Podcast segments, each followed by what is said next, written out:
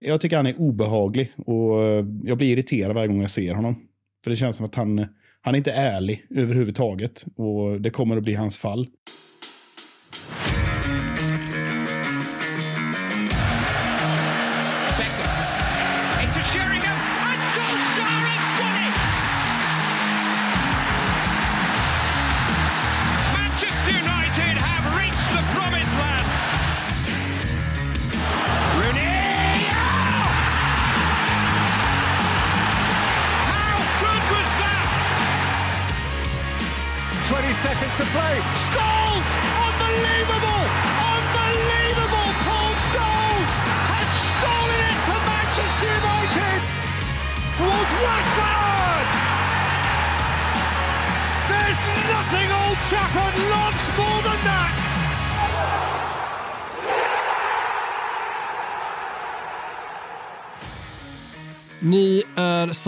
Alltid varmt välkomna till ännu ett avsnitt av United-podden. Podcasten som du inte visste att du längtade efter. United-podden görs i ett stolt samarbete med både den officiella supporterklubben MUS och United-redaktionen på Svenska fans. Mitt namn är Adam och med mig denna vecka har jag både Marcus och Micke från varsin kust i vårt avlånga land. Hörni, det är en stor dag detta. Den största som någonsin gjort det. Den bästa som någonsin gjort det. Fyller 80 starka år. Vi riktar ett gemensamt jättegrattis till Sir Alex Ferguson. Micke, om vi börjar din ände och eh, slopar allting med välmående för din del. Går det att beskriva vad Sir Alex har betytt för den här klubben? Oj, oj, oj. Ja, det, är en, eh, det är en tuff frå första fråga att få, men eh, hur lång tid har vi först? Ska vi checka av det? Ja, Hela dagen. Ja, hela dagen. Jag kan sitta och hålla på hur länge som helst. Det svåra med Sir Alex är ju att eh, just vad, vad ska jag börja? Men det är klart att allt, det mesta är ju redan sagt, så att det här blir bara eh, återupprepning av eh, många andra visa och ovisa människor. Jag vet inte vad jag ska sortera in mig själv där. Ni kan ju göra den bedömningen själva där hemma. Men eh, jag skulle säga att eh, han har betytt enormt mycket för eh, Manchester United såklart. Det, allting ta, eh, siffrorna talar ju sitt tydliga språk. Eh, alla spelare, eller alla, väldigt många spelare vittnar ju om hans storhet som människa. Eh, att just att se alla, oavsett vem, var man kommer ifrån och så vidare. Och samtidigt att skydda laget, att eh, lyfta spelarna. Alltså ni hör, jag, jag droppar bara olika värdeord här som är, beskriver en stor ledare, en stor människa och en stor fotbollskonstnär som vars avtryck eh, väldigt många refererar till. Eh, så även vi. Och det är väl också det tunga, jag säga, det tunga, vad ska man säga, arvet som gör att vi ofta sitter här och, och klakar på var vi står nu och refererar till eh, den tiden och till den fantastiska tränaren, människan som Sir Alex faktiskt är. Det, det är obeskrivligt i stort sett. Jag försökte sätta ord på det, men eh, jag skulle säga att det avtrycket han har gjort kommer nog ingen att göra någonsin i den klubben. Just det som du nämner där, att vi i så många år har suttit här och jämfört med det som varit och haft det som måttstock. Eh, är det kanske det största beviset på hur otroligt stor och unik, Sir var, liksom, unik är ett ord som mycket eh, strösslas med tycker jag, men i det här fallet så räcker det knappt till eh, vad gäller Sir Alex Ferguson. Kan det vara så att det kanske är det ultimata beviset på hur stor och duktig och viktig han var? Nej, men jag skulle säga det. Och det. Jag vet inte, när han har fått frågan själv så känns det som att han eh, inte viftar bort det helt. Men, eh, men samtidigt eh, är ju säkerligen fullt medveten om det. Han, eh, han har ju både ögon och öron kvar som han kan se med och han är fortfarande väldigt engagerad i klubben. Men eh, sen kan vi diskutera eh, hur eh, och när han ska ta steget tillbaka helt och hållet. Jag menar 80 år fyllda och det känns ändå som hans ande är väldigt, väldigt stark. Eh, vilande över vår klubb. Liksom. Och det är både på gott och ont. Mackan, vi ska skjuta in dig i avsnittet också. Vad är ditt första Sir Alex-minne? Mm.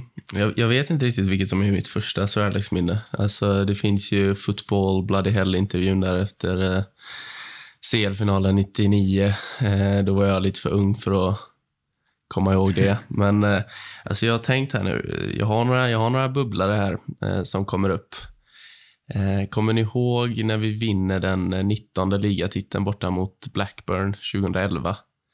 Eh, jag tror och nu är du inne på dina bästa minnen helt enkelt, för det här kan inte vara ditt första. Nej, exakt, exakt. Nu är jag, jag, jag skippar första och tar bästa istället. Då, eh, jag tror vi behöver en pinne för att, för att ta ligatiteln och vi leder med 1-0 i 91. Evra är utbytt, står bakom Ferguson och sätter upp två fingrar bakom hans huvud. Kommer du ihåg det? Mm. Ja, det, det, jag tycker det är ändå att summera Ferguson, för det är liksom en minut kvar att spela. Det ska till ett mirakel om vi inte ska vinna ligatiteln och han skiter i Han är bara tokfokuserad. Han bryr sig inte om vad som händer runt om honom. Han är bara fokuserad på att vinna. Eh, och det tycker jag summerar honom ja, på det bästa sättet egentligen. En vinnare ute i fingerspetsarna liksom. Eh, sen har vi ju, sen har vi väl sista, sista året där när vi har vunnit ligatiteln och Finns det någon spelare som inte går runt och tar 25 selfies med Ferguson? De ska ha in familjen, de ska ha in eh, alltså agenter. Alla ska ta bild med Ferguson och eh, det vittnar väl om hur stor han är och var eh, i Manchester United och hela fotbollsvärlden. Så ja, nej, jag har bara fina minnen av honom. Världens bästa tränare någonsin. Ja, det är, det är fantastisk eh, fin hyllning där Mackan. Jag säger, det var, jag, jag känner att jag kastas tillbaka till eh, när han går runt där på arenan. Och jag försöker, jag inser att det här är ett historiskt ögonblick. Ni vet, när, ni vet när man försöker göra det. Eh, men man känner där då att marken rämnar lite grann. Och mm, det är precis som att, ja men nu har Sir Alex sagt att nu kommer in en ersättare, allt kommer att ordna sig. Men ändå så finns det en känsla i, i min mage i alla fall. Det, jag, säger, jag säger inte att jag förutsåg Mois misslyckande, men det kändes i magen att det här är någonting som inte kommer att gå att få tillbaka på något sätt. Det var en, det var en lite obehaglig och vemodig känsla. Och som vanligt i sådana lägen så satt jag och grät. Jag gör alltid det. Jag har oerhört svårt att hålla mig osentimental i de lägena. Och, ja, det, var, det var en tuff, eh, det var en tuff upplevelse, men samtidigt häftig på något sätt. Mm. Du, är en, du är en bölare, Micke. Det... Jag, är, jag är faktiskt det. ja, ser man på dig. ja, det att vi, ska, att vi ska uppmuntra. Micke, har du något uh, första minne av sådär liksom, du uh, kommer på här och nu på uppstuds? Alltså det är jättelänge sedan. Det är svårt att sortera de minnena. Man, eh, någonstans mitten på 90-talet pratar vi nu. Men eh, Nej, inte egentligen. Eh, utan det var, det var mest att, eh, vad är det där för gubbe, minns jag tänkte, som står och tuggar tuggummi så att käkarna håller på att trilla ur led. Eh, det, det var mest mitt, mitt, mitt första liksom, intryck av honom innan jag började liksom, reflektera som en 13-14-åring över, över, över vad faktiskt hans gärning var. Men nej, men mitt första starka minne är ju när han, eh, när, jag minns att David Beckham gör ett mål eh, i Champions League. Jag minns inte mot vilka, för David Beckham är min favoritspelare i alla tider i Manchester United. Och, och jag minns efteråt när Sir Alex står och lyfter upp eh, honom i eh, matchintervjun, så att säga.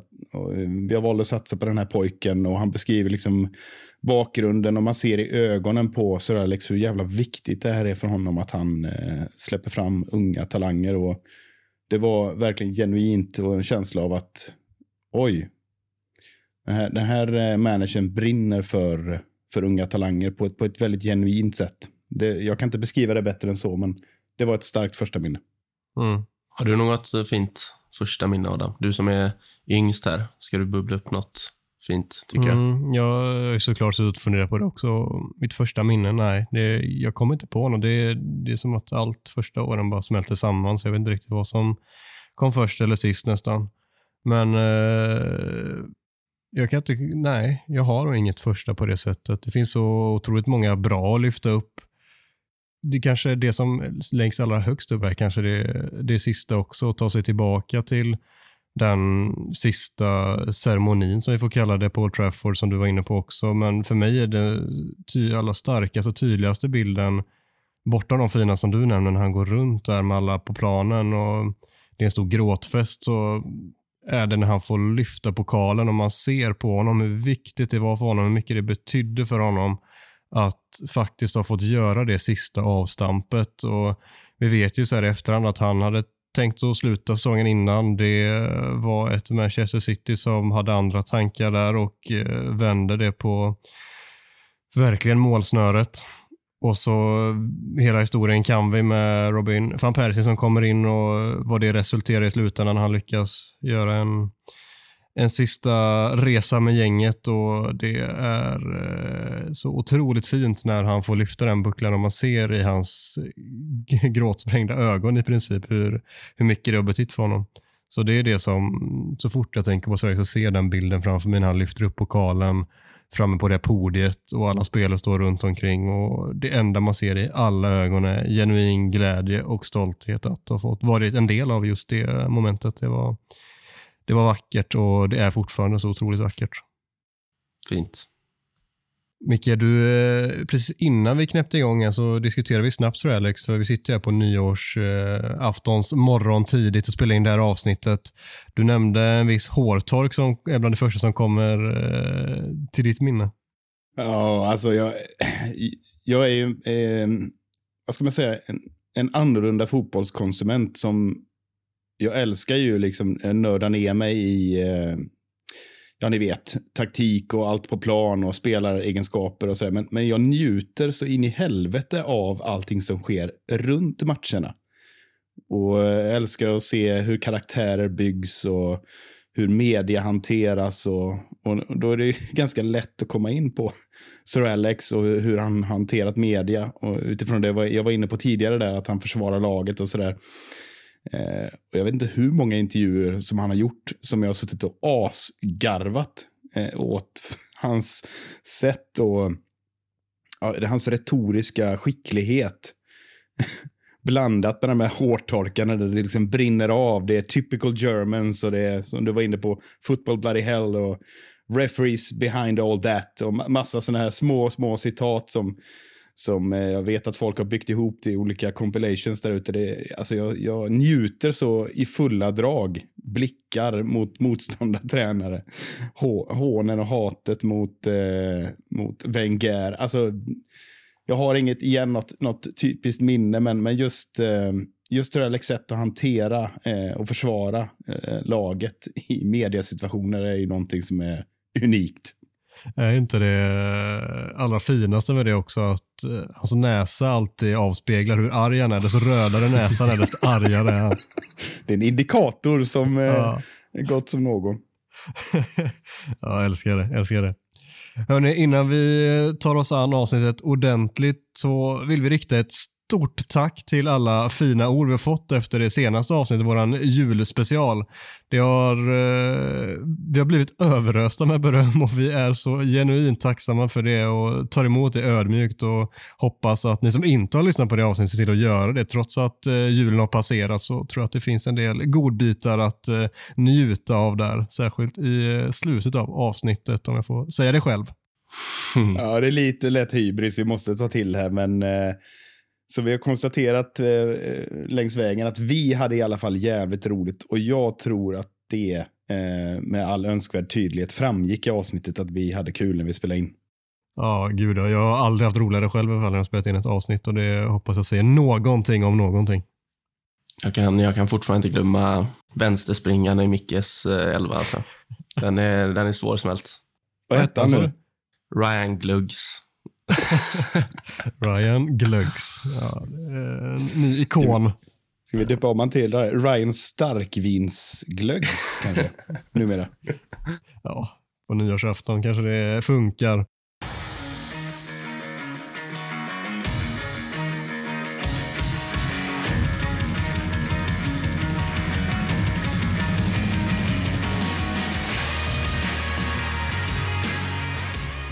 Den senaste matchen innebar en skön 3-1-vinst hemma mot Burnley.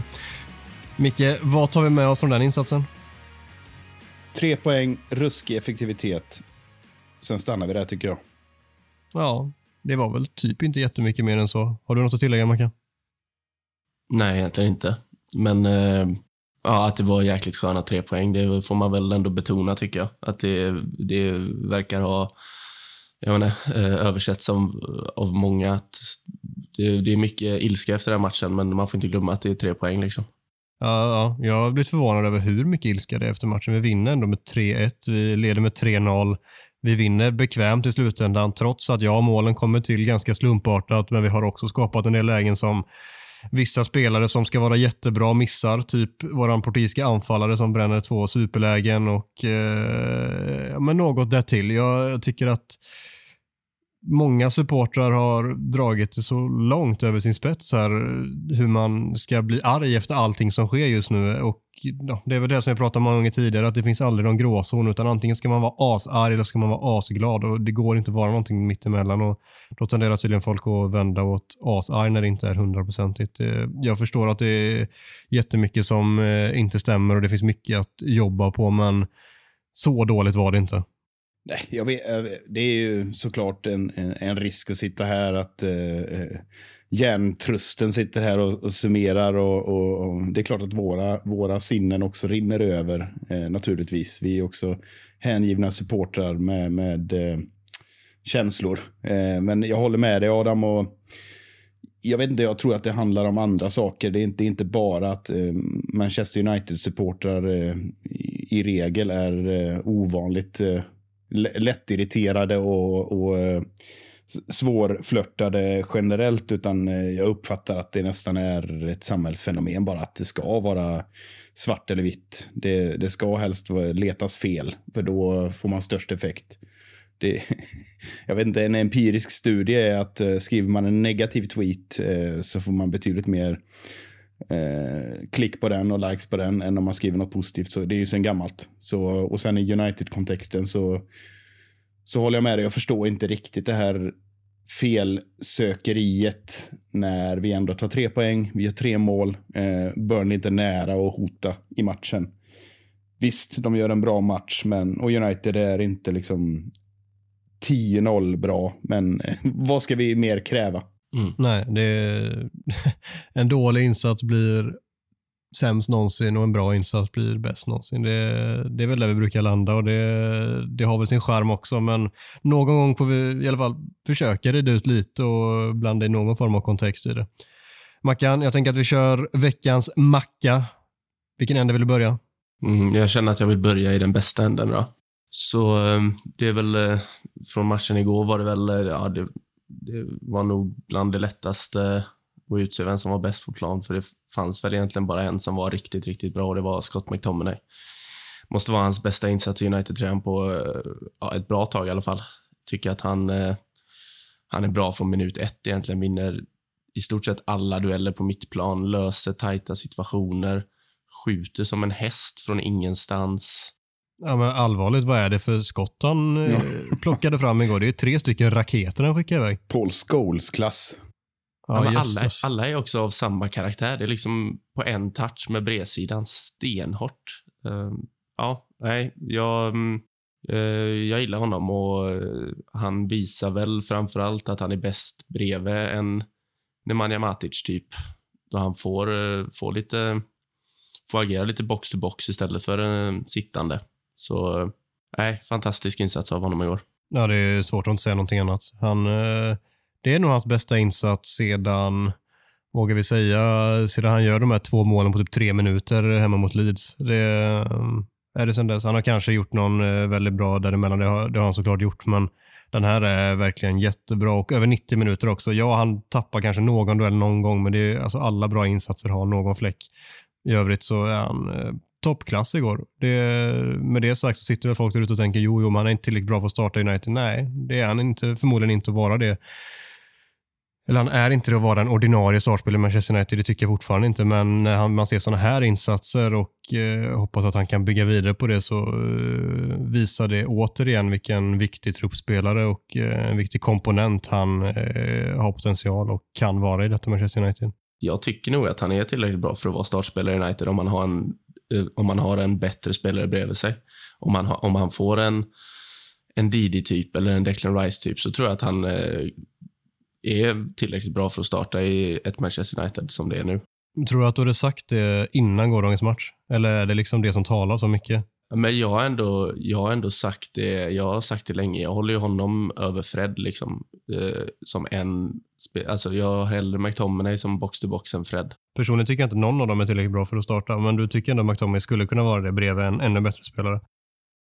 Ja, alltså för jag tycker att han får ut så mycket mer av sitt spel då. Alltså han försvinner ju jätte... Alltså i denna säsongen har han inte varit bra och det är det inte många som har varit, men eh, jag tycker att vi ser sådana här insatser alltså vi har sett det under åren när han spelar bredvid till exempel Matic då, att han, att han bidrar med mycket både i defensiven och offensiven. Han är ju helt fantastisk på att fylla på i andra vågslöpningar och bidrar ändå med en del eh, alltså, alltså, viktiga passningar. Jag tycker hans passningsspel ofta blir underskattat. Så, alltså det är svårt. Det är inte så att han håller samma klass som de andra topplagens mittfältare, men vi är samtidigt inte ett av de bästa lagen nu och jag ser absolut att han kan fylla en roll som startspelare bredvid en bättre, bättre ankare. Kan man säga. Det, det märks att han kontinuerligt arbetar med passningsfoten. Verkligen, särskilt den här säsongen tycker jag det har varit extra tydligt att han hela tiden försöker hitta mer passningar som bryter linjer, för att använda det ordspråket. Eh, det, mm.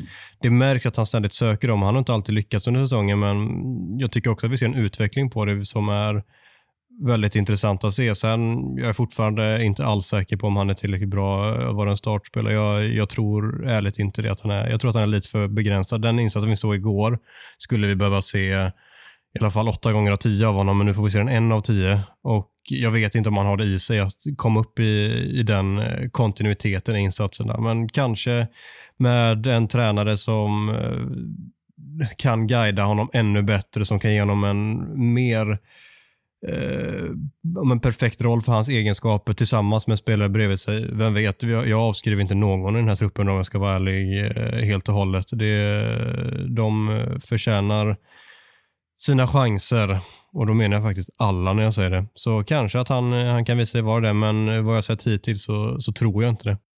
Kan vara jag som romantiserar lite också för att han är, han är en av få i dagens trupp som verkligen brinner för klubbmärket och det ser man varje gång. Mm. Så det kan vara det också. Ja, någonstans ser man ju ett kaptensmaterial. Alltså om han skulle bli sådär bra att han faktiskt är en ordinarie startspelare så eh, är jag inte långt ifrån att få bära en bindel så småningom. Nej, men det, jag, tror, jag tror, jag sitter och lyssnar och, och uh, håller med. Uh, det är klart att uh, vi, vi vill att Scott McTominay ska ska bära lagkaptensbindeln och vara en härförare och, och, precis som du är inne på Adam, fortsätta utvecklas eh, med sin passningsfot. Men jag ska ändå säga, igår, visst, det, det är Burnley, eh, men, men, eh, men samtidigt så tittar man på McTominays positionsspel, jag satt och, och kikade på det under hela matchen. och det är klart att det var ju väldigt tydligt att han fick en, en, en fin roll igår. Bruno var inte med, eh, det glömmer man bort. Så om ni tittar på McTominays positionsspel, framförallt eh, i offensiven. Han fick eh, bollen i, i, in the spaces, som eh, man brukar säga är så viktiga. Eh, han var också den, den som klev fram och tog den här spelfördelarrollen i Brunos frånvaro. Eh, han hade ingen konkurrens. Matic eh, är ju duktig på det här att verka utan att synas. Och gjorde en bra match bredvid eh, McTominay igår som gjorde att McTominay fick eh, eh, chansen att skina, om man säger så. Jag tycker att det var rätt tydligt att han trivdes med det.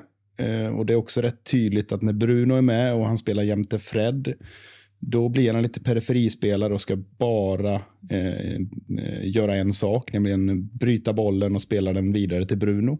Igår fick han visa hela sin verktygslåda och blev lite Paul Scholes light. Inte bara för de här skotten, utan för...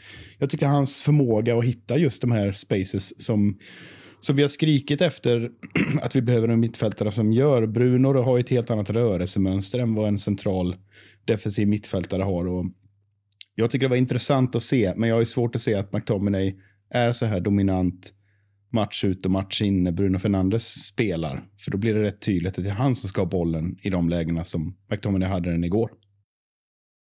Men bäst var han ju tveklöst McTominay igår på planen. Det tror jag inte någon annan som såg matchen eh, skulle kunna säga emot. Vem var näst bäst då? Ja, jag, jag har väntat på att få säga hans namn eh, när vi pratar om vilka som varit bra. Det var mm, Luke Shaw, tycker jag. Tycker att det är hans, ja, kanske hans bästa insats den här säsongen. Framförallt i första halvlek. Det, han har några sekvenser där han bryter bollen på mitten av egen plan Alba och bara sätter fart. Och det har man ju inte sett från honom sen EM egentligen. Eh, han har väl ett läge där han ja, löper 50-60 meter och trycker av ett skott som går precis utanför och sen har han någon annan där han spelar fram Sancho och någon annan där han byter kant. Eh, så ja, jag tycker att han var, han var näst bäst på plan igår. Och det, jag hoppas att han kan behålla det här lite, alltså det drivet har man saknat. Och han visar ju att han är betydligt bättre än Alex Telles när han spelar på sin nivå. Så eh, det var, det var jäkligt kul att se honom igår. Berto Carlos is back, åtminstone i 45 minuter igår. Då, nej men verkligen. Det är mm. jätte, jätterimligt att ha honom som tvåa igår. Det hade jag personligen satt upp också. Han var, han var jättebra, framförallt första halvlek som du säger, men han var inte dålig andra heller. Men mattades av något, eh, kanske ihop med laget också, att det inte riktigt... Det var ingen sprudlande halvlek på något sätt som vi fick se eh, den andra delen igår direkt. Jag, jag måste säga, jag håller inte riktigt med. Jag tycker Shaw gör det okej. Okay. Men jag tycker Sancho är klart bättre igår. I min, i min bok. Och eh, det, det är utifrån, eh, igen, att Bruno inte var med så tog Sancho ett rätt så stort ansvar och var extremt löpvillig och hjälpte Shaw var bra också. Tycker jag. Men sen att, så att Sancho tappar bollen, eh, det är inget konstigt för han är, är den spelartypen som ska utmana, som ska spela med hög risk. Eh, visst, Shaw, eh, ja, han, jag, har en del, jag tycker jag har högre krav på honom. Han stoppade spelet rätt bra igår. Det vill säga han tog en frispark så fort eh, Sancho och han tappar bollen där ute. Det gör han bra. Och sen de här raiderna som du nämner, Mackan. Men ah, jag har lite högre krav på Luke Shaw. Jag tycker att han, han, han ska upp på en ännu högre nivå med tanke på hur dominant han var förra året. Eh, så jag skulle vilja lyfta fram Sancho. Det, det var min nummer två igår. Bra motbud Sancho. Det, han har inte fått mycket benämningar efter matchen, men han förtjänar att lyftas upp. Jag, jag köper det. Jag, jag, jag, köper inte att han var näst bäst, men jag köper att han förtjänar att lyftas upp och eh, det är bra att du kommer med ett motbud om du inte håller med om Luke han, eh, alltså, eller Jadon Sancho tycker jag första tio minuterna är lite för slarvig, men efter det så mm. spelar han upp sig ordentligt. Och precis som du säger, han ska ta mycket risker, men i slutändan så ger det oss väldigt mycket också. Han gör ett mål som han inte har fått officiellt i slutändan och det blir självmål på Ben Mi. Det får de ju fan sluta med det här jävla tramset. ja, men... Det är klart att det är Sanchos mål. Skriv om reglerna. Ja, det är väl så att målet. den hade gått utanför va? Exakt. Den hade gått utanför. Exakt. Ja. Om den går utanför och någon styr in den på mål så går det inte att ge... Eller då, då tycker jag det är rimligt. Den går inte in om inte han skjuter. Vad är det Wayne Gretzky sa? Ja, du missar 100% av de skotten du inte skjuter eller vad, något sånt. Typ ja, så är det. Ja, nej, men oavsett, eh, tillbaka till eh, diskussionen. Vad säger du Mackan? Sancho kontra Shaw? Nej, jag, jag köper. Det var väl egentligen den enda man hade kunnat eh, höja som en utmanare. Jag, jag, tycker som du säger, Adam, första tio kvarten så är han väl... Eh, ser ut som att han inte riktigt är vaken. Men eh, sen så får han det här ja, målet, höll jag på att säga, men assisten kan vi säga då. Och Då känns det som att han, eh, han får den där lilla boosten som, eh, som kanske behövs. Och då tycker jag, alltså Resten av matchen tycker jag att han, eh, han spelar bra. Han har väl något felbeslut där i slutet när de har en kontring. Men han är en av få spelare i, i truppen som jag faktiskt alltid tror att det kan hända någonting när han har bollen. Det brukar vara så med Rashford, men så har det inte varit i år. Det är så med Greenwood och det är så med Sancho. Så eh, jag, tycker att allt, jag tycker att han ska vara en given startman framöver. Eh, om han fortsätter sina prestationer så här. Så, eh, ja, nej, det, var, det var kul att han fick chansen. Det var, det var han värd. Det är kul det där hur mycket självförtroende och momentum spelar in i fotboll. Vi, alltså McTominay, han gör ju tidigt mål ska jag säga, men innan dess så har han ett par touchar som är lite småslarviga och det, är något så här, det ser inte helt hundra ut som pris för övriga laget, men när McTominay gör det målet där så han sträcker på sig alltså flera nivåer efter det och de här skotten som kommer därefter, det har aldrig kommit om inte han fått passa in 1-målet där och insatsen i sig eh, den, eh, den mynnar ut i det den gör på grund av att han får sånt självförtroende. Jag tror Sancho precis samma där, att han får göra det målet som han inte gör, men ni fattar vad jag menar. Det, det gör ju också att hans insats tar fart därifrån eh, matchen igår. Det, det är intressant hur, hur stor skillnad det kan göra för spelare emellanåt. Det, det enda klagomålet jag kan ha på Sancho hittills, eller det enda klagomålet, men det, det, det som jag tror att han kan utveckla framöver, det är att alltså fortsätta våga gå mot försvararen varje gång. För åtta av tio gånger kommer han ju förbi. Alltså gå rakt mot dem. De, de vågar ju knappt stöta på honom. Du ser ju vid, vid målet där igår. Han är inne i straffområdet och liksom... Mm. Och, så, och så blir det mål eller farligt varje gång. Så ja, det borde han fortsätta med. Lyckas sånt spelare ta sig in i straffområdet så är det hyperfarligt varje gång. För det, motståndarna vågar inte gå på på samma sätt heller, för de är rädda för att dra på sig en straff.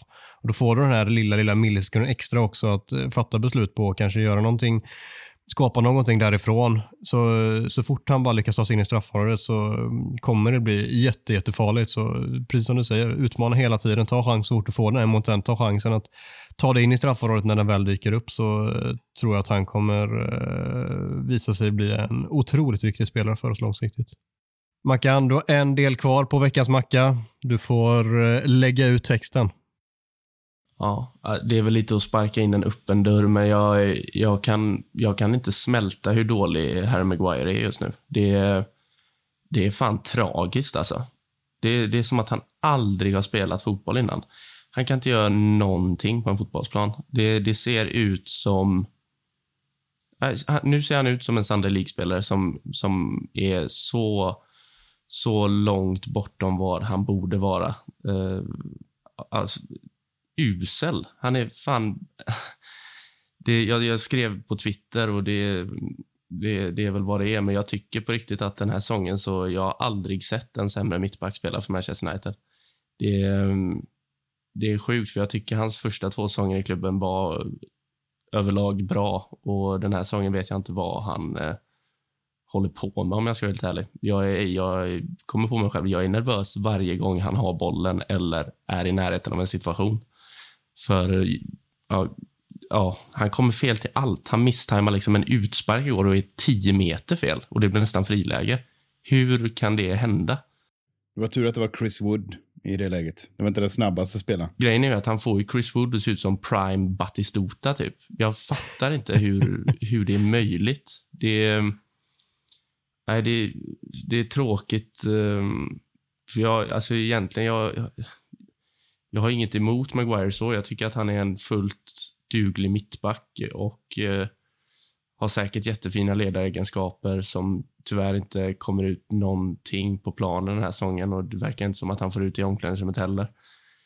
Men eh, jag tycker ju att... Eh, alltså jag, han är säkert en jättefin kille och han är en helt okej okay spelare, men jag tycker det är fan tragiskt att han är lagkapten för Manchester United. Det, eh, det är pinsamt det börjar bli eh, nästan parodiskt, alltså allting runt Maguire. Vi, vi slängde in en omröstning igår på, för att mäta temperaturen på Twitter. Eh, där påståendet löd att Phil Jones är en bättre eh, lösning just nu. och det, den vann ganska klart den, den, den omröstningen. Och det säger väl allt att eh, jag skulle ändå vilja komma in här och dra en lans för stackars Harry, för jag, jag håller med allt du säger. Jag kan inte påstå någonting annat än att han är en vandrande katastrof just nu. Och det är inte bara du som är nervös när han eh, närmar sig bollen, utan det syns att han själv är väldigt nervös. Han är fullt medveten om eh, kritiken. Jag är helt säker på att han är inte är dum i huvudet. Eh, och han, eh, han spelar med nerverna utanpå tröjan och det kan man inte göra när man är lagkapten för Manchester United. Det funkar inte. Och eh, jag är helt enig att han, han borde bänkas nu, som många säger, för att kyla av det här lite. Bygga upp sig lite och på något sätt. Problemet är att vi har inte alternativen just nu. Utan mm, det försvinner alternativ mest hela tiden. Men jag skulle ändå vilja dra en, en, en lans och säga att ehm, ja, det är katastrof nu. Men så in i helvete jävla dåligt är det inte hela tiden. Det räcker att han gör en aktion på plan så är han sämst någonsin. Så jag skulle ändå vilja nyansera det lite. Och med risk för att jag får i stort sett alla emot mig nu. Så, så jävla illa är det inte. Men naturligtvis är det inte bra heller. Det, det, det är bra att du säger det, Micke. För jag, jag har nog fastnat i sånt som många United-supportrar har gjort med Maguire. Men jag tycker att alltså, innan har det kanske varit att innan den här säsongen kanske det har varit att fem av tio grejer är, är dåligt. Liksom. Men nu, nu den senaste tycker jag nästan att han är uppe och snuddar på 8, 9 av tio gånger som han är involverad i en situation att det blir, att det blir farligt eller att det blir fel. Och det, det, då kan man inte då kan du inte fortsätta spela även om alternativet är att starta med Phil Jones. Då, för jag tror inte Phil Jones hade gjort det sämre. Jag är inte lika säker, men Adam, vad, vad, vad står du liksom i, i, i det här eh, Maguire? Hatet som vi ändå måste säga att, att det är just nu? Jag håller med om i stort sett allt ni säger. Han är en vandrande katastrof. Han ska inte spela nu. Den här säsongen har varit klappusel från hans sida. Det, alltså att, att påstå någonting annat är helt omöjligt att göra. Med det sagt så håller jag också med dig att det, det väldigt många gånger går överstyr också. Han har blivit den här hackkycklingen som alla supportrar letar efter när det går dåligt alla klubbar. Och den spelaren får stå till svars för precis allt dåligt som sker. Och om den spelaren gör en enda liten dålig grej så förstoras den upp till att vara helt fruktansvärt usel. Och det, det som gör mig nästan mer eller irriterad är när vi ser vi har satt kommentatorer. Vi ser Holmgren och Bojan Georgi som sitter där. Och det första som händer är en halvdålig touch från Maguire och Holmgren går igång typ och skriker äh, “Vad gör Maguire?” så som han låter, ja. ni vet. Och Bojan kommer in och bara suckar och säger typ någonting med att han är ett kylskåp och sämst typ. Ni, ni fattar liksom den grejen. Mm. Och det spelar också av sig till alla. Liksom. Det bara bygger på mm. det här hatet och den frustrationen som, som finns inom alla där folk också älskar och hatar på den här spelaren. Det, jag menar, jag, för mig blir det bara olustigt och osmakligt i slutändan. Det, det går liksom bortom all rimlig rim och reson. Det, det, är tråkigt att se och med det sagt så sitter jag också i den båten där jag sitter och stör mig på typ allting han gör på planen just nu och vill inte att han ska spela. Men samtidigt så lägger jag mig nästan på defensiven när jag, när jag liksom ser allt detta på sociala medier och hur alla andra kommenterar och liksom är mot honom. Så, så här, jag tycker också att det går överstyr och det blir så jävla tråkigt att se bara. Det, det är jättetråkigt. Jag, jag är inte alls säker på att han är någon spelare just nu som kommer kunna återhämta sig från detta. Med det sagt så är det som att allting och tider är bortglömt också. Förra säsongen, från typ november fram till och med hela EM så är han en väldigt bra mittback. Han är en av, VM, eller en av EMs absolut bästa mittbackar. Han är jättesaknad när vi förlorar Europa League-finalen och har varit en av våra viktigaste spelare fram till dess under säsongen och Europa League-resan. Men det är liksom helt bortglömt och jag köper att, det, att fotboll är en färskvara och att den här säsongen har varit under all kritik. Men det går också att hålla två bollar i luften och Det är verkligen intressant också för övrigt att det kan gå från att vara ändå så pass bra som det var till att vara så fruktansvärt dåligt som det är nu. Tillbaka till Mackans, eh, veckans Macka-punkt. Eh, behöver Maguire höja sig? Svaret är ju självklart ja. ja, ja, det får man säga. Det var ett långt resonemang för att landa i det.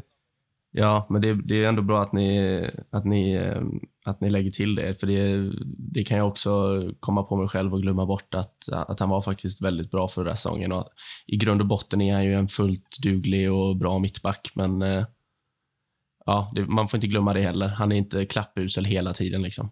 Nej, ja, nej, nej, absolut inte. Och Sen kommer väl folk svära nu när han startar mot Wolves, men i ärlighetens namn, vi vet inte vad vi har för alternativ. Det är förmodligen bara han och Varann som är friska. Om Bajy är skadad och ska iväg på Afcon, oavsett vilket av det det blir, så kommer han förmodligen inte vara tillgänglig. Så har vi Lindelöf som varit slash är covid-sjuk då. Vi vet ju inte status på honom till matchen.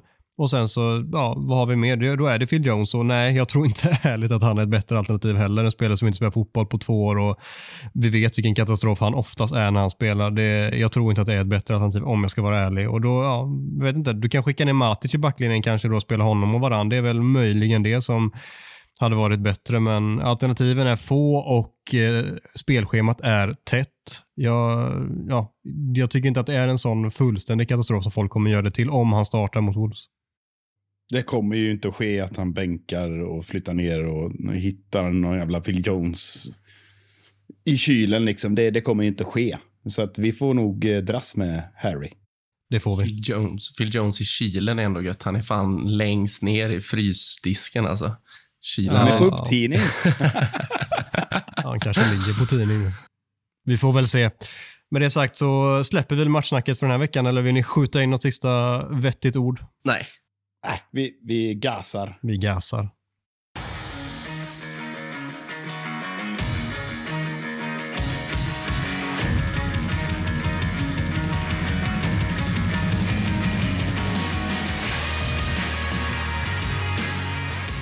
Och med det hoppar vi in i succésegmentet Talk of the Town. Det handlar om fem påståenden med aktuella ämnen som vi helt enkelt diskuterar huruvida det är sant eller inte.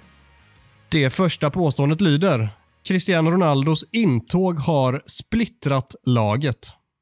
Micke, jag låter dig hugga tag i den först. Splittrat kanske är fel ord, men eh, definitivt justerat hierarkin. Det kan ju alla se. Och eh, det behöver man inte vara doktorand i grupppsykologi för att inse. Men hur man än vänder och vrider på det så måste ju alla förhålla sig, eh, alla i hela laget och runt klubben, till en av världens bästa spelare genom tiderna. Det är inget konstigt och vänder du på det så, så är ju inte direkt känslan att eh, Ronaldo förhåller sig till någon annan. det är rätt tydligt. Eh, bara titta på ögonblicksbilden igår när han blev utbytt. Liksom som eh, Holmgren och Bojan är inne på. Så det enda hans, eh, tänk, hans hjärna fokuserar på i det läget och när han eh, gick och la sig igår, som Bojan sa, var ju de här chanserna han missade.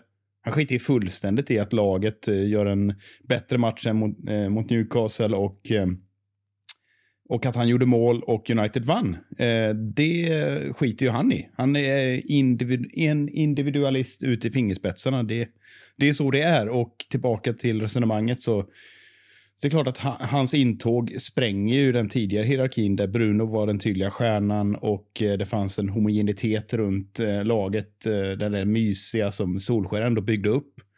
Eh, det är det ju inte nu och sen med en ny tränares intåg, ett nytt spelsystem som vi kommer att prata mer om en stund, så blir det ju naturligt att eh, alla spelarna intar nya positioner eh, bygger grupperingar och för att skydda sig själva såklart. För då, då kommer det ju ner till att eh, hur ska jag få ut max av min kapacitet eh, med den här nya tränaren?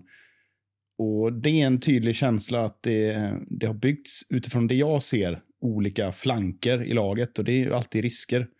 Men jag tror att det kommer rätta till sig med några försäljningar, med några, eh, vad ska man säga, månader till här med Raffe så är jag övertygad om att det kommer att eh, hittas en harmoni och en ny sorts eh, homogenitet runt laget.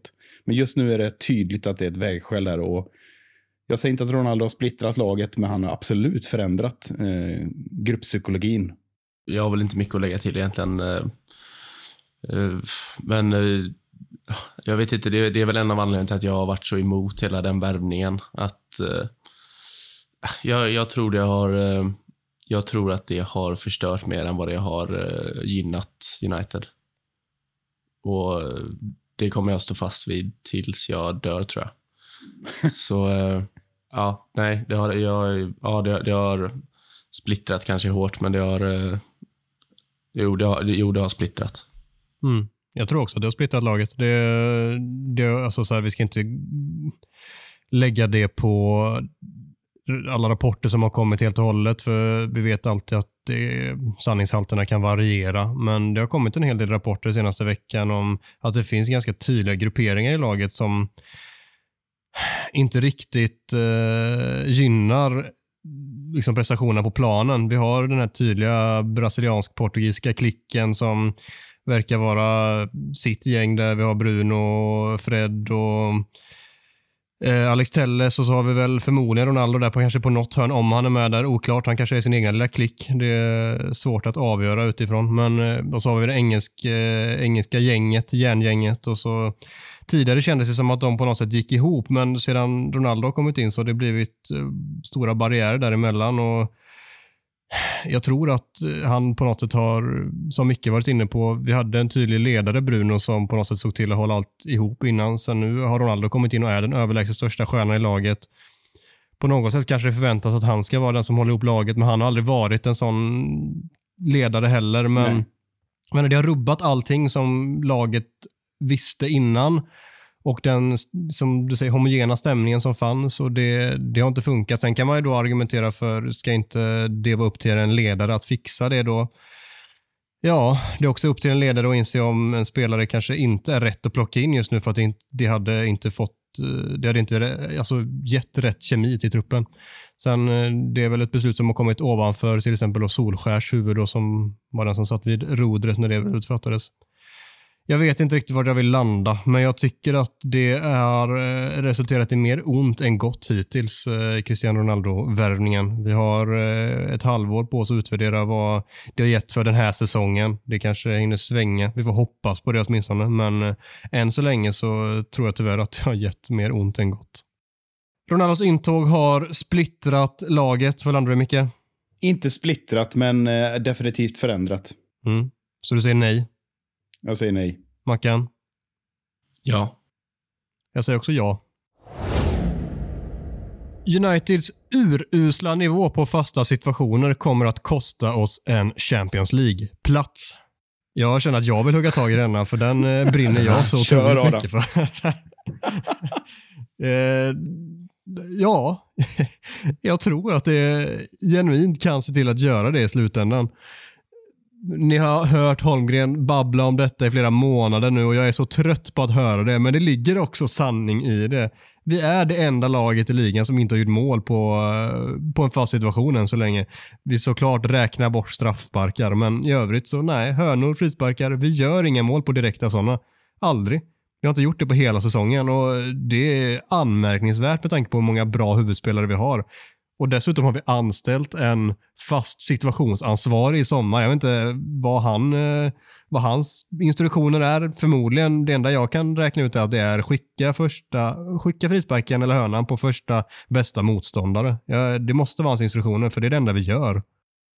Alltså, alltså vad fan är det som pågår? Vad, vad kan en sån spe, spelare, vad kan en sån eh, tränare ha i lön? Ja, alltså, drömjobb eller? Vad, vad är det för jävla lyxjobb? Eh, ja som bevisligen, alltså att han är kvar överhuvudtaget i organisationen, sett till hur det ser ut, med den enorma kvaliteten som ändå finns.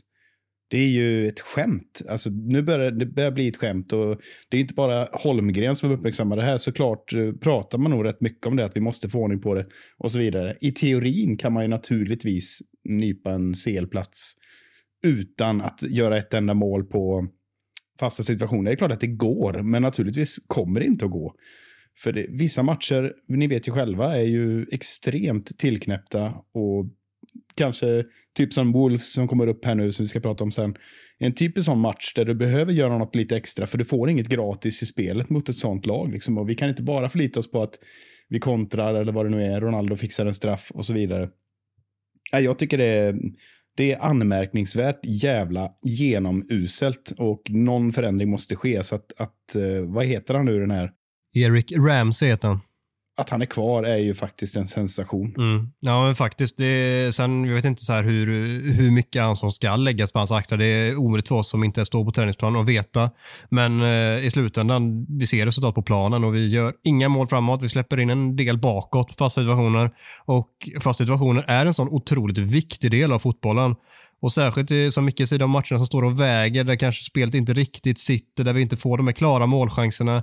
Att då få ett gratismål på en fast situation emellanåt, det, det är så sanslöst viktigt. Och tittar vi på de lagen som vinner ligor, som vinner stora titlar, mycket av de viktigaste mål de gör under en säsong är ju på fasta situationer. Om vi inte gör ett enda, hur sjutton ska vi kunna åstadkomma någonting då?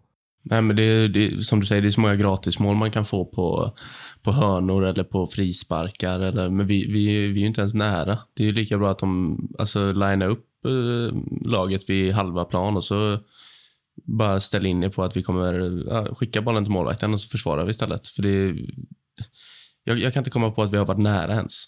Nej, den här nej jag, såg, eh, jag, jag såg inte situationen själv, men Micke Österdahl på MUS uppmärksammade något igår i slutet av matchen där han tyckte att det såg ut som att Burnley-spelarna ville att en inspark för dem ska förändras, domslutet skulle ändras till en hörna för United och det säger väl typ allt. För, det, alltså för oss är det en större målchans för bortalaget, eller motståndarlaget än för oss själva när vi har en fast situation. För det öppnar upp för kontringslägen. Liksom.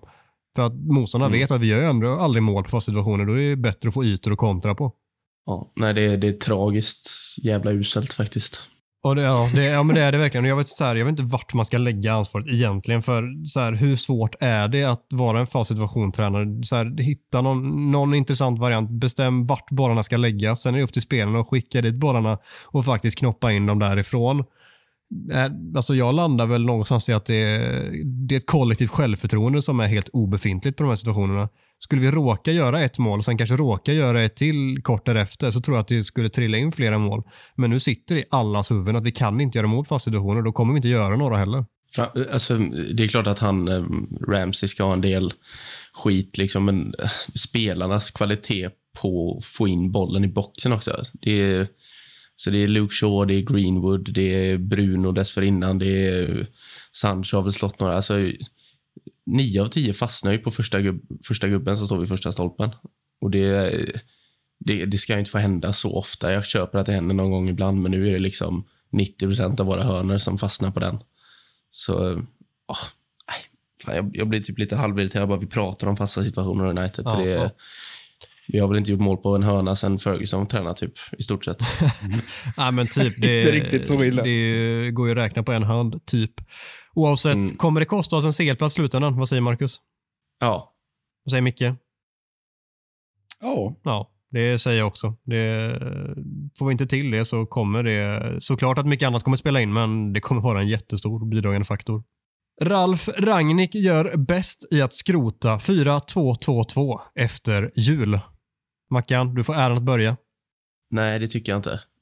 Jag tycker att eh ja, som vi är inne på, alltså, man är så snabb på att döma saker och eh, funkar det inte efter två matcher så ska vi skrota det. Och, eh, så nej, alltså, fortsätter vi trycka på det så är jag säker på att det kan bli en bra formation för United. Jag tycker att det är många spelare som eh, passar i den formationen i dagens United. Det är bara det att ja, vi, vi, får, vi har inte fått ut max av det än, men samtidigt har det gått, vad har han tränat oss? Fyra matcher?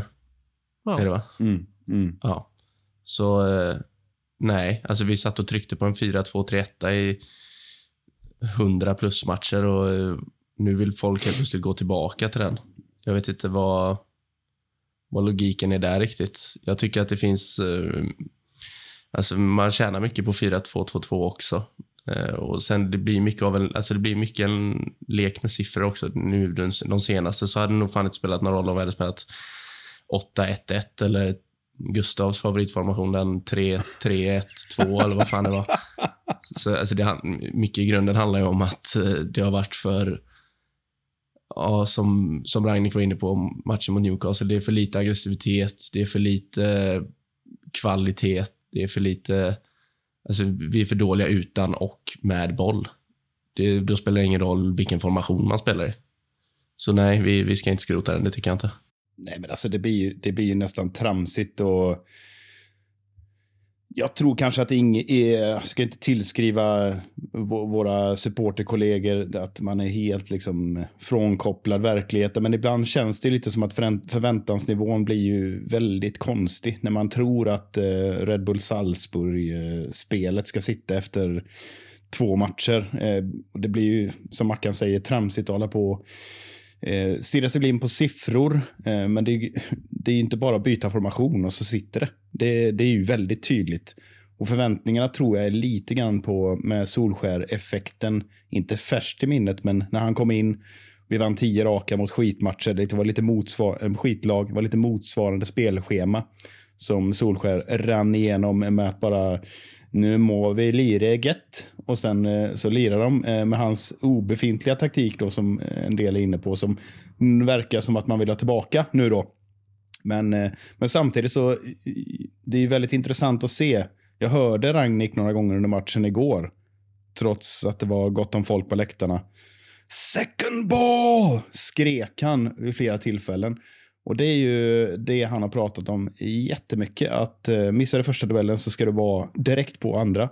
Och det är tydligt att eh, nej, men där är kanske inte laget riktigt, riktigt än. Vi har några spelare som, som är duktiga på att gå i direktpress, men eh, det, det, har ju ingenting med, med 4-2-2-2-systemet att göra. Utan det är en helhet som ska sitta och hans, hans sätt att förändra den här klubben kommer ju ta tid. Och nu får man rapporter att flera spelare har belyst att det nya träningsupplägget kräver mer av alla. Det är eftermiddagsträning och sådana hemska saker som man inte kan klippa sig och så vidare. Ja, hu, hu. Men liksom, det är bara trams och det här kommer ta tid. Alltså vi, jag tror inte vi kommer se någon riktig effekt eh, på det här laget. Eh, vi kommer kanske inte att spela som Red Bull Leipzig någon gång under den här säsongen, om det nu är målet. Eh, det här kommer ta tid och för mig är det inte alls konstigt att eh, spelarna står och kliar sig lite i huvudet. Ja, jag, jag, jag, jag det känns som att jag är jättegrinig idag, men jag har blivit så frustrerad på United-supportrar som sitter där ute och klagar efter två, tre, fyra matcher och säger “Skulle inte Ragnhild komma in med ett jävla pressspel? Vad är pressspelet?” Sitter och klagar under Burnley-matchen. Alltså vi möter det laget i världen som är helt omöjligt att pressa. För det går inte att pressa ett lag som så fort de får bollen skickar upp den i himlen. Hur ska man kunna pressa ett sånt lag? Och folk sitter och klagar över att det inte finns något pressspel mot dem. Det är helt ointressant. Titta då på vad vi gör med bollen istället, vilket helt klart går att diskutera och kritisera. Men att kritisera pressspelet i en match mot Burnley, eh, jag fattar ingenting. Och sen lite som Mackan säger, 4-2-2-2 alltså eller 4-4-2 eller 4-2-3-1. Många gånger är det en lek med siffror.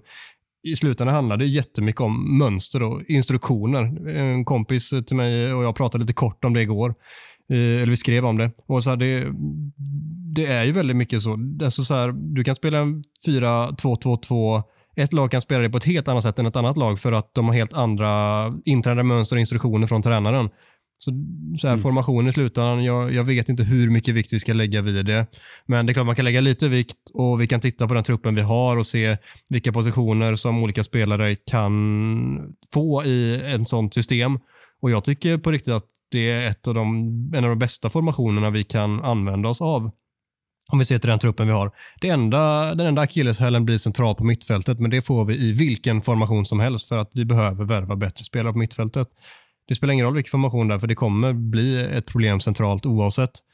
Och alltså De här offensiva mittfältsrollerna som den andra tvåan består av, det finns flera spelare som kan må jättebra av. Att vi spelar ett tvåanfallarsystem gör jättegott för jättemånga spelare, för annars skulle flera få placeras på bänken. Jag, jag ser jättemycket vinning i det. Det är också en chans för mer offensiva ytterbackar att få chansen som vi har sett med Dalot och Telles och möjligen även Luke kan ta sig in där. Det, ja, jag kanske får pudla på Wan-Bissaka så småningom. Jag trodde att han kanske kunde vara en som gynnades av detta och börjar bli mer och mer osäker. Skitsamma. Jag, jag tycker inte alls att han ska skrota 4-2-2-2 efter jul. Jag tycker att han ska fortsätta köra på det han tror på. Och eh, Det är oftast det som gör de här tränarna, eh, de allra bästa tränarna, framgångsrika. Att de har sin grej som de tror stenhårt på. Sen om det är spelsystemet i slutändan som är det viktiga, det avgörande. Jag är osäker. Vi såg Tuchel har förändrat liksom fram och tillbaka med olika spelsystem, men principerna och liksom idéerna på hur man ska spela på olika positioner, olika delar av banan är de samma. Det, det är det som är det viktigaste för mig. Sen om det är en 4-2-2-2 då, eller en 3-5-2 eller 4-4-2 eller vad man nu vill använda sig av, det blir lite mindre relevant i slutändan. Griniga Adam, jag gillar det. Det är gött. Ja, ibland måste man få lufta. lufta. Har vi inte sett innan. Underbart inslag. Ja. Ja, det sker en gång per året och det sker den sista, sista december den här gången. Ska vi landa i någonting då? Det låter som att vi är ganska eniga den här gången, men ja, nej. Han ska inte skrota 4-2-2-2 efter jul. Det är inte någonstans där problemet sitter. Nej, så är det. Nej. United har tagit rätt beslut vid varje spelarförsäljning slash ivägskeppning sen Sir Alex slutade.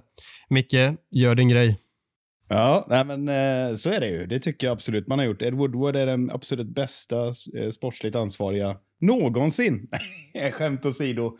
Eh, här vet jag att eh, jag kan få lite mothugg, men jag tycker faktiskt det. Och det finns ju givna eh, invändningar här, naturligtvis. Vi har ju kanske en sån som Memphis. Som någon kanske tycker att eh, vi slarvade bort, men eh, om man utvärderar hans karriär i United så jag vet inte riktigt. 33 matcher, två mål har jag skrivit ner här.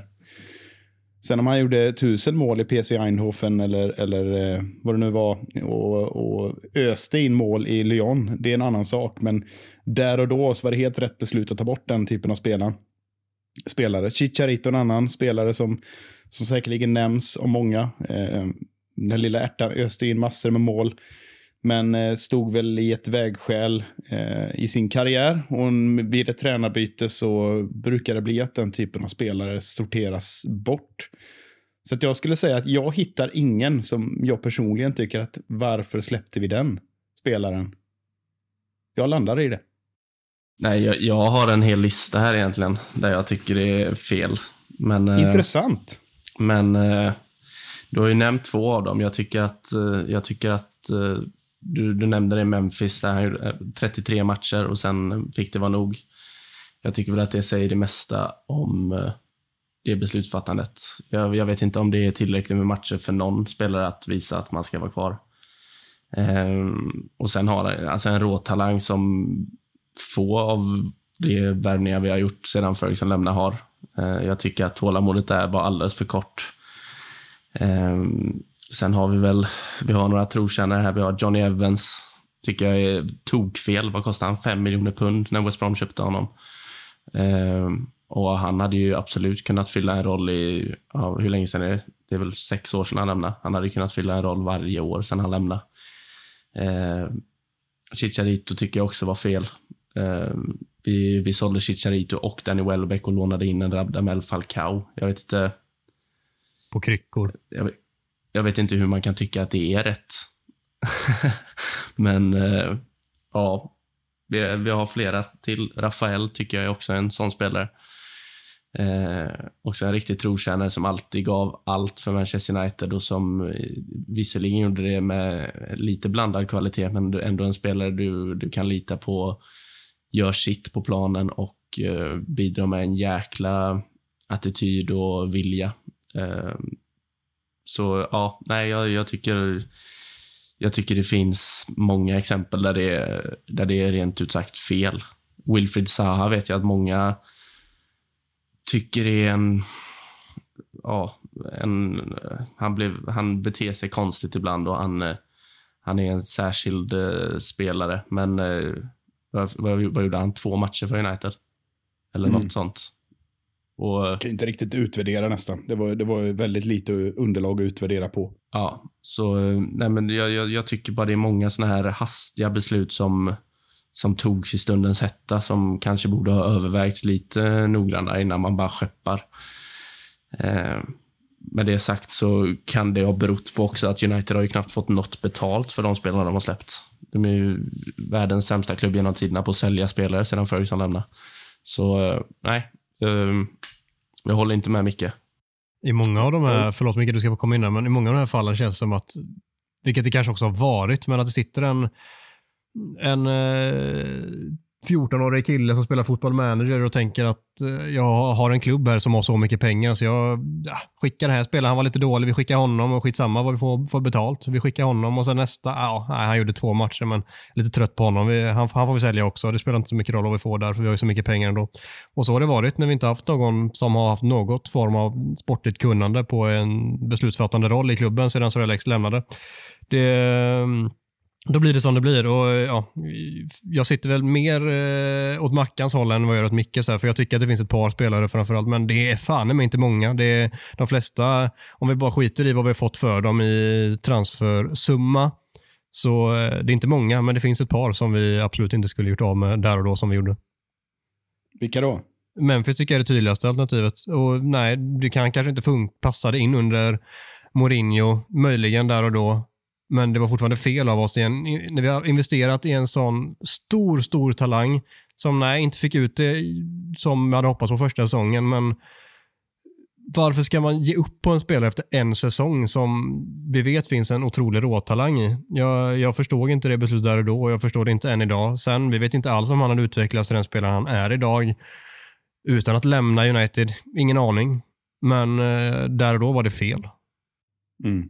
Ja, men det, jag, jag ska ändå vilja understryka att naturligtvis är jag med dig Mackan att eh, eh, det är totalt värdelös transferstrategi. Alltså i, i, när vi har, sättet vi har sålt och gjort oss av med spelarna är ju katastrof. Alltså det, naturligtvis är jag med och även naturligt inflödet. Sättet vi har scoutat och tagit in spelare och sen eh, hänger det ihop med att vi har bytt tränare. Och så, så ansvaret vilar ju såklart på klubbledningen. Jag är helt med där. Men utifrån strikt kontext här, om det var rätt att göra sig av med respektive spelare vid respektive tillfälle, så tycker jag det finns en logik. Men den logiken bygger på att... att det inte finns någon eh, logik. Nej, exakt. Att strategin var katastrof eh, och, och, och, att vi inte får något betalt för spelarna, utan de kommer in, eh, får, in, får chansen i olika, olika länge. Ta då Memphis som, som får bära exemplet på Eh, avdelning misslyckade värvningar sett till potential och sett till vad han levererat nu. Så mm, absolut, det, det är ju katastrof att det blev så. Men för mig var det ganska naturligt att han eh, försvann. Det var dags att skeppa vidare. Det funkar inte. Även om 33 matcher känns, känns lite. Sen Johnny Evans-exemplet vet jag inte. Vad spelar han? 20 matcher i genomsnitt i, i, förutom när han var utlånad då. Det var ju ingen... Eh, han är tuff konkurrens, absolut, men det kändes där för hans egen skull också var det dags att gå vidare. Så jag hittar liksom inte riktigt det här att eh, vi bara kastar iväg någon, utan utifrån den urusla strategin så var det ändå rätt. Vid varje givet tillfälle måste jag ändå säga. Micke, du landar i att det var rätt vid de tillfällena att sälja alla spelare efter Sir Alex som vi har gjort. Marcus, vad säger du? Uh, nej, nej. Nej, nej. Jag, jag, jag håller med dig Marcus. Jag, jag tycker inte att det varit rätt på alla ställen. Jörgen Klopp är den gnälligaste tränaren i Premier Leagues historia och jag tänker att vi behöver inte lägga så mycket tid vid, eh, vid honom, men vi kan bara säga kort och gott vad man tycker på ett eller två ord. Jag säger bara ja. Alltså vad har hänt med den jävla människan? Nu ska inte påstå att jag någonsin har gillat honom, men från en lite fryntlig tysk som säger cool eh, lite för mycket till någon slags obehaglig förtäckt offermentalitets... Alltså en obehaglig människa han utvecklas till. Vem är han arg på undrar jag? Eh, det, det verkar som det finns andra psykologiska förklaringsmodeller här att tillämpa och det har inte jag någon behörighet att göra men eh, och när startar den här liksom radikaliseringen som vi ser där han i princip hittar konspirationsteorier eh, kring allt eh, och, och framförallt det här obehagliga, eh, förtäckta, liksom, när han är ironisk och lite leende och så pressar han ändå fram de här jag vet inte vad, jag tycker, han är, jag tycker han är obehaglig och eh, jag blir irriterad varje gång jag ser honom. För det känns som att han, han är inte ärlig överhuvudtaget och det kommer att bli hans fall om han fortsätter så här. Det är jag helt säker på. Jag, jag tycker att hans senaste klagomål summerar det. Han klagar väl på att Burnley-spelarna spelar mindre matcher än Liverpool-spelarna och det, det, är väl för att Burnley-spelarna inte spelar i Champions League eller i landslagen. Så då i, i kort och gott klagar han på att Liverpool har bättre spelare än vad Burnley har. Så ja, han är, han är den gnälligaste tränaren i Premier Leagues historia överlägset och då har han ändå, det har ändå varit några gnällspikar genom åren. Så jag tycker att... Eh, tycker man inte, ty, det är bara Liverpool-fansen som inte tycker det. Sekten. Ja. Det senaste var jättespännande faktiskt. När han tidigare har gnällt på att det är sån nackdel att spela så mycket matcher som framförallt topplagen får göra som har eh, Europaspelet och sådär.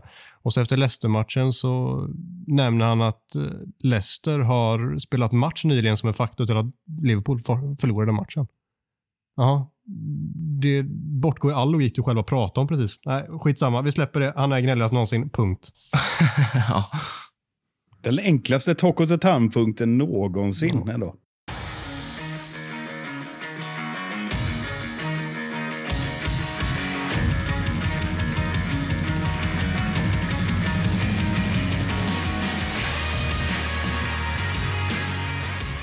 Klockan 18.30 på måndag ska Ralf Rangnicks obesegrade Manchester United ta sig an Wolves på hemmaplan.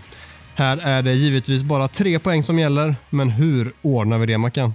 Genom att eh, jag, jag, tror att det blir jäkligt viktigt att få ett tidigt mål.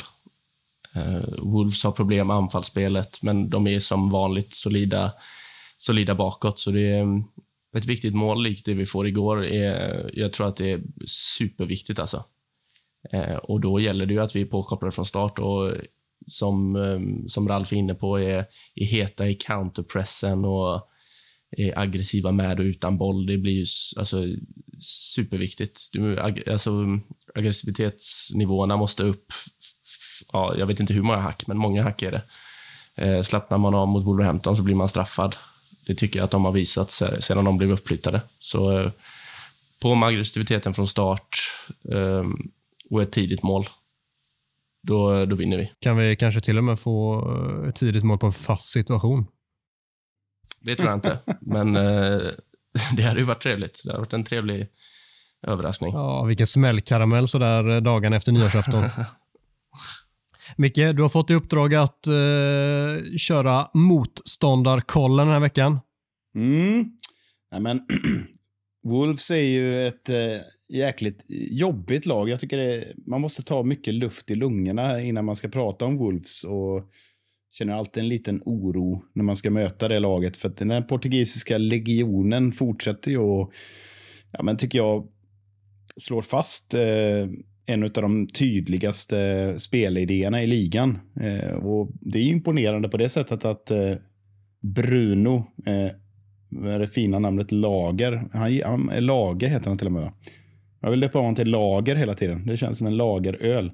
Nej, men att de har fått den, den eh, tog, eh, fått den kontinuiteten att fungera efter de släppte Eh, Eh, den förra portugisen, det är faktiskt inget annat än imponerande. Och Visst, de har väldigt svårt att göra mål, men det, det är ett kompakt lag som är svårt att bryta, bryta linjerna mellan och de har ändå spelare som hotar, som är exceptionella, som man måste förhålla sig till. Adama Traoré, Jiménez såklart. Eh, det finns några andra intressanta spelare som har tagit sig in.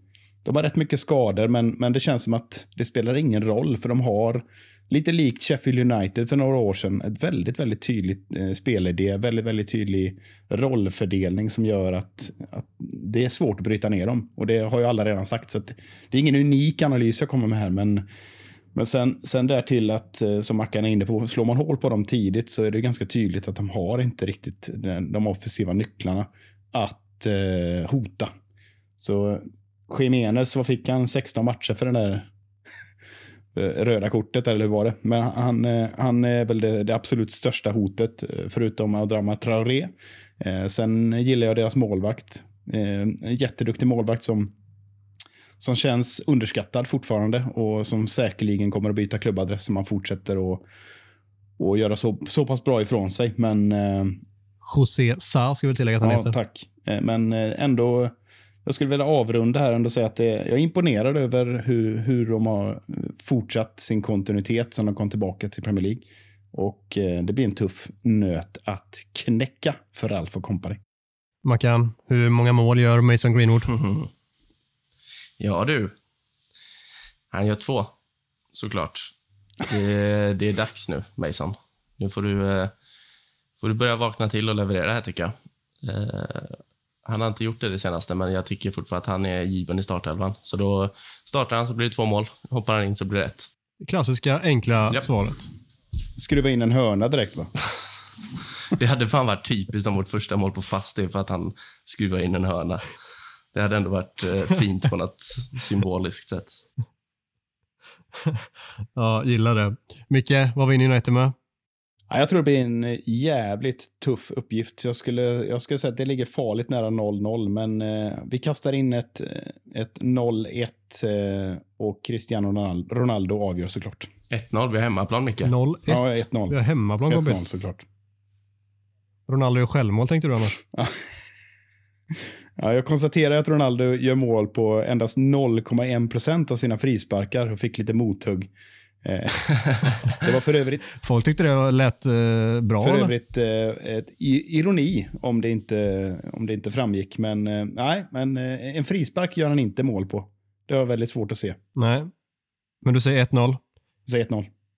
Ja, jag säger 2-1 för det är klart att vi släpper in mål, men vi kommer vinna till slut och eh, det kommer sitta hårt inne och det kommer typ komma till på precis samma sätt som när vi avgjorde mot dem hemma förra säsongen när Rashford skjuter ett jätteflackskott som studsar på någon och rullar in i, i mål bredvid målvakten. Det något liknande sätt får vi se den här gången och vi kan väl säga att det är Rashford som gör det igen då. Det behöver både han och Manchester United just nu. En, en Rashford i toppform. Var ett tag sedan. Mm. Innan vi klappar igen Mackan, vad säger du att du vinner med? Um, 3-1. 3-1. Hattrick Cavani eller? Nej, men Greenwood gör ju två. Greenwood två och Bra. Ronaldo ett. Du är vaken. Gillar det. Med det sagt så tackar vi enormt mycket för visat intresse även den här veckan. Vi vill samtidigt rikta ett stort eh, tack till den senaste tidens lyssningar och varma ord. Vi vill dessutom rikta ett stort eh, gott nytt år till samtliga där ute. Kika in oss på sociala medier där vi heter Unitedpodden. Mejla till unitedpodden official at gmail.com om så önskas. Med det sagt så önskar vi er en god fortsättning.